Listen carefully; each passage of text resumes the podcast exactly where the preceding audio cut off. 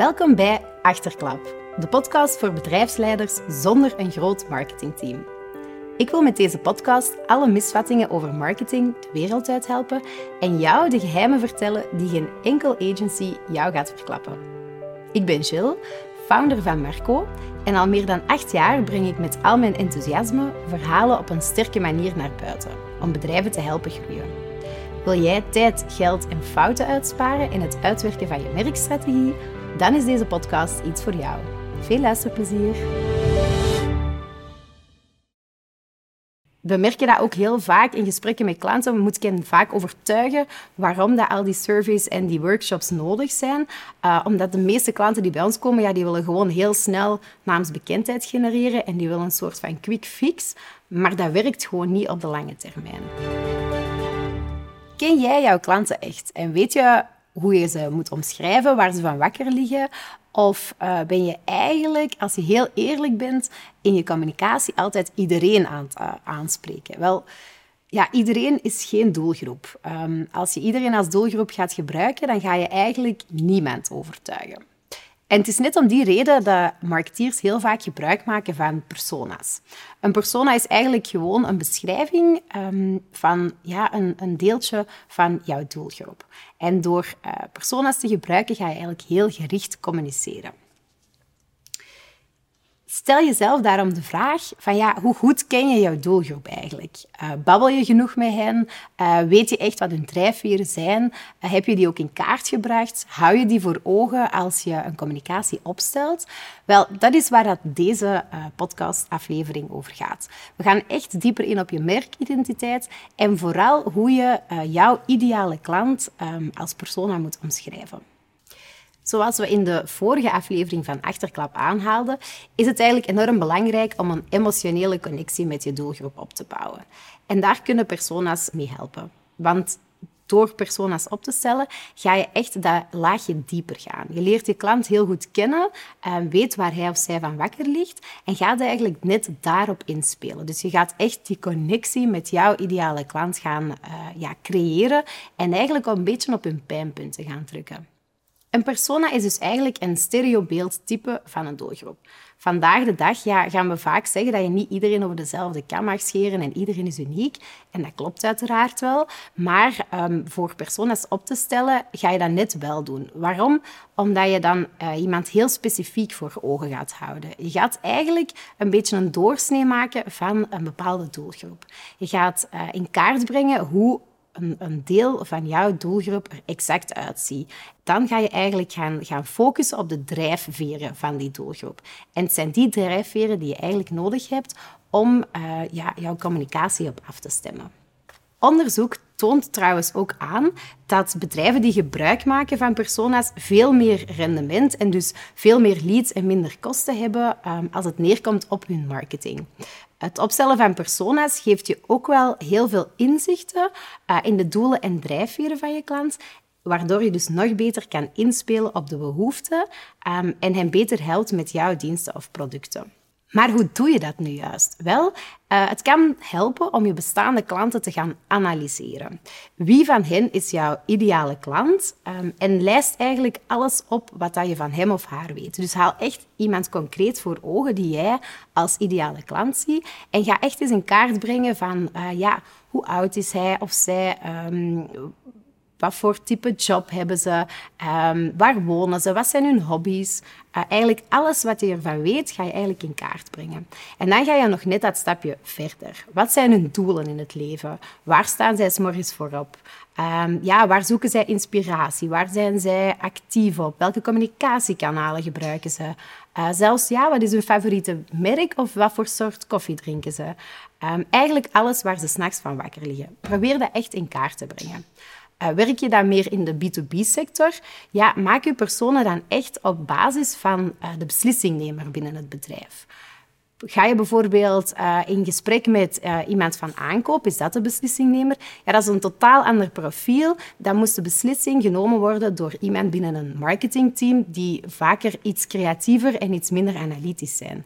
Um, dus stel dat echt heel duidelijk in kaart en ga daarmee aan de slag. Om je te helpen bij het opstellen van die persona hebben we uh, een worksheet voorbereid die je in de show notes kan terugvinden. Die kan jou um, misschien op weg helpen um, voor die eerste stappen bij het maken van een persona. Naast het feit dat um, ja, een persona heel goed kan helpen om een goed, beeld te krijgen van jouw doelgroep, brengt het ook heel vaak in kaart waar dat de blinde vlekken zitten. Ja, vaak als we vragen stellen bij klanten tijdens een workshop, um, ja, dan, dan, merken we op dat ze eigenlijk hun klanten helemaal niet zo goed kennen. Uh, ze denken dat altijd wel, maar dat zijn vaak gewoon een reeks assumpties die wij als mens maken, waardoor dat we denken dat we onze klanten kennen.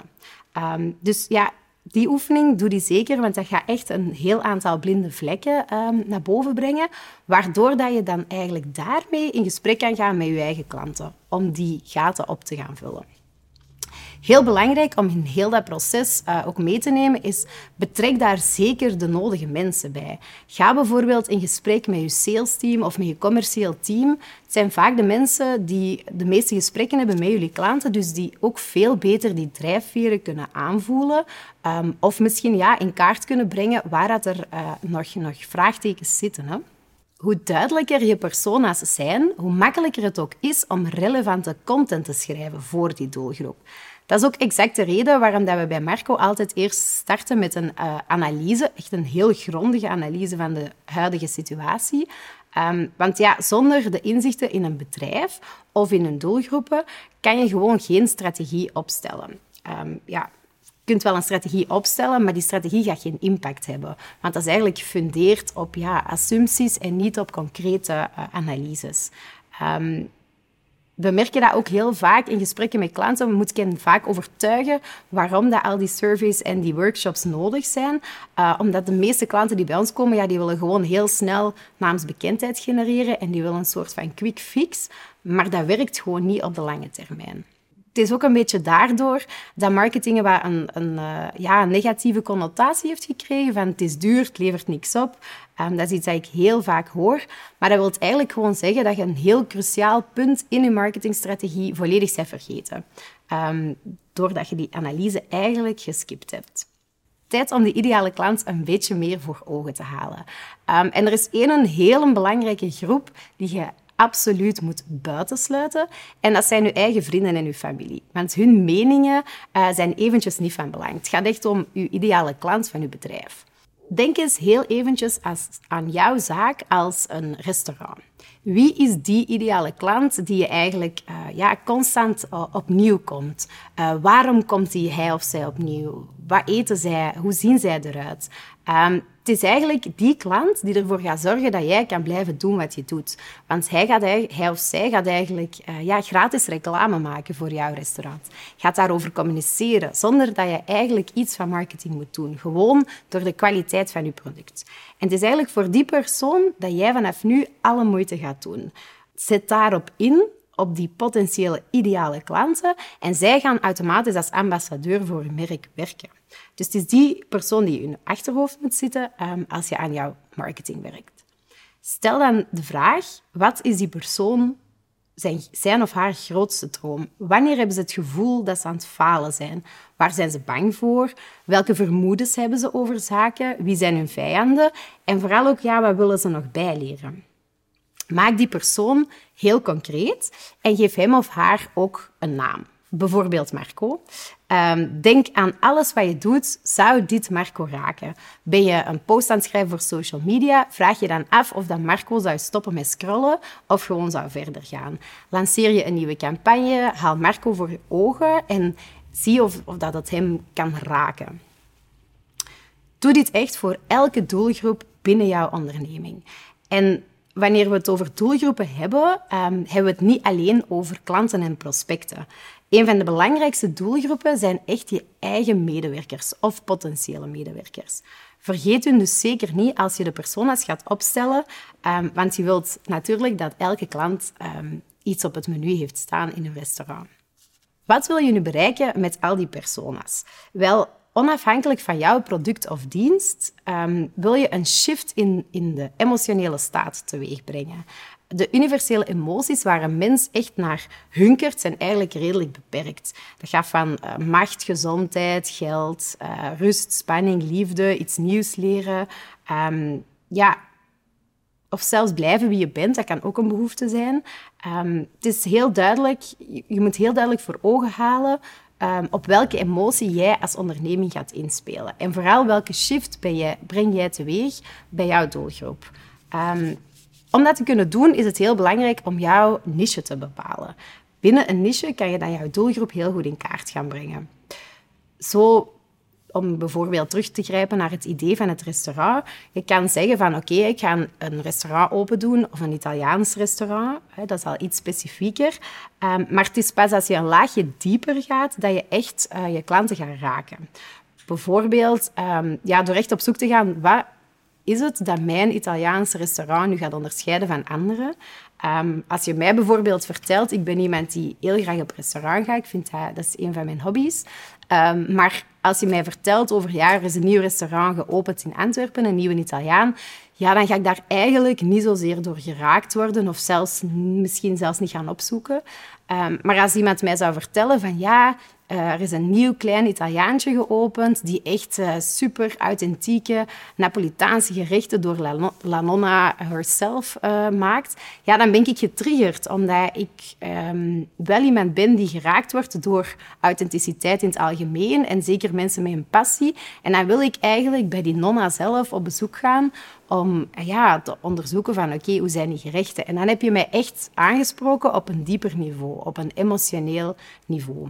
Een heel mooi voorbeeld van een merk met een duidelijke niche en ook een heel goede uh, doelgroepomschrijving of een, of een persona is Oatly. Oatly is eigenlijk, ja, ik denk dat de meeste mensen vandaag de dag Oatly wel kennen, het havermelk.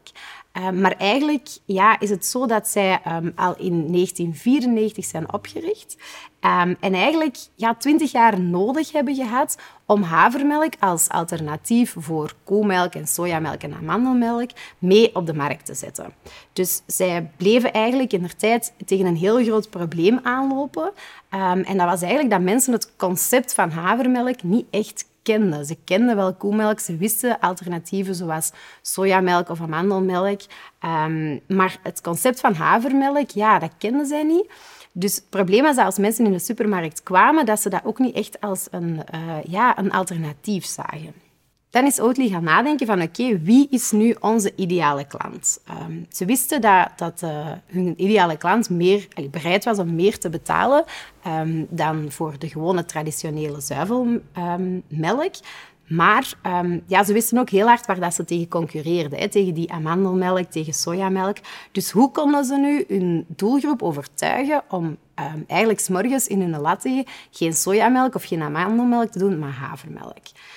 En in de plaats van dan um, keihard in te zetten op marketing en advertentie naar advertentie te blijven pushen in de, mens, in, allez, in de hoop dat mensen meer vertrouwd gingen worden met het concept van havermelk, zijn zij dat eigenlijk volledig anders gaan benaderen.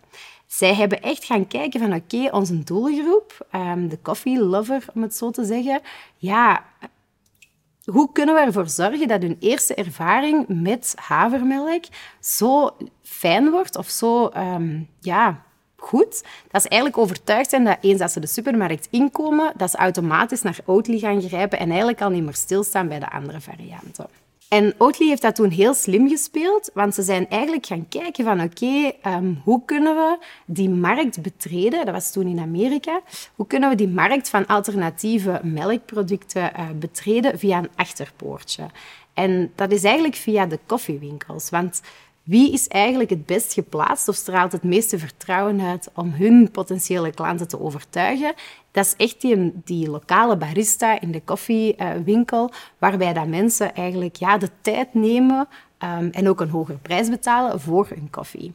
Um, dus wat hebben ze gedaan? Ze zijn eigenlijk die tussenpersoon van de barista, de mensen die de koffie zetten, um, in kaart gaan brengen. En het was zo dat op dat moment was er eigenlijk geen uh, goed alternatief uh, van plantaardige melk waarmee de baristas hun uh, ja, mooie koffie, koffies konden maken. Dus Oatly heeft gezegd, oké, wij gaan speciaal voor hen een barista blend maken. Een blend waarbij dat eigenlijk de textuur hetzelfde is dan gewone zuivelmelk, um, maar het is een plantaardig alternatief. En zo zijn zij eigenlijk uh, heel die markt, of heel die doelgroep van baristas gaan overtuigen, waardoor dat de baristas zelf Oatly als uh, merk begonnen te promoten. Het is ook pas sinds dan, sinds dat zij die focus daarop hebben gelegd, um, dat ze eigenlijk echt volledig zijn geëxplodeerd. En dat Oatly, ik denk nu, het bekendste merk is in havermelk, maar ook gewoon het bekendste merk um, in de plantaardige alternatieven voor uh, gewone zuivelmelk. Nu, heb jij al eens een persona opgesteld? Dat is al zeker een heel sterk begin. Want ik verschiet er nog altijd uh, van als wij bij bedrijven komen. Um, ja, hoeveel mensen dat er tegen mij als antwoord zeggen... Ja, maar Jill, ik wil iedereen bereiken. Um, want ja, anders sluit ik klanten uit. Uh, maar dan krijg ik echt de, de kriebels, want iedereen is geen doelgroep. Hoe algemener je blijft, hoe minder dat je mensen gaat raken.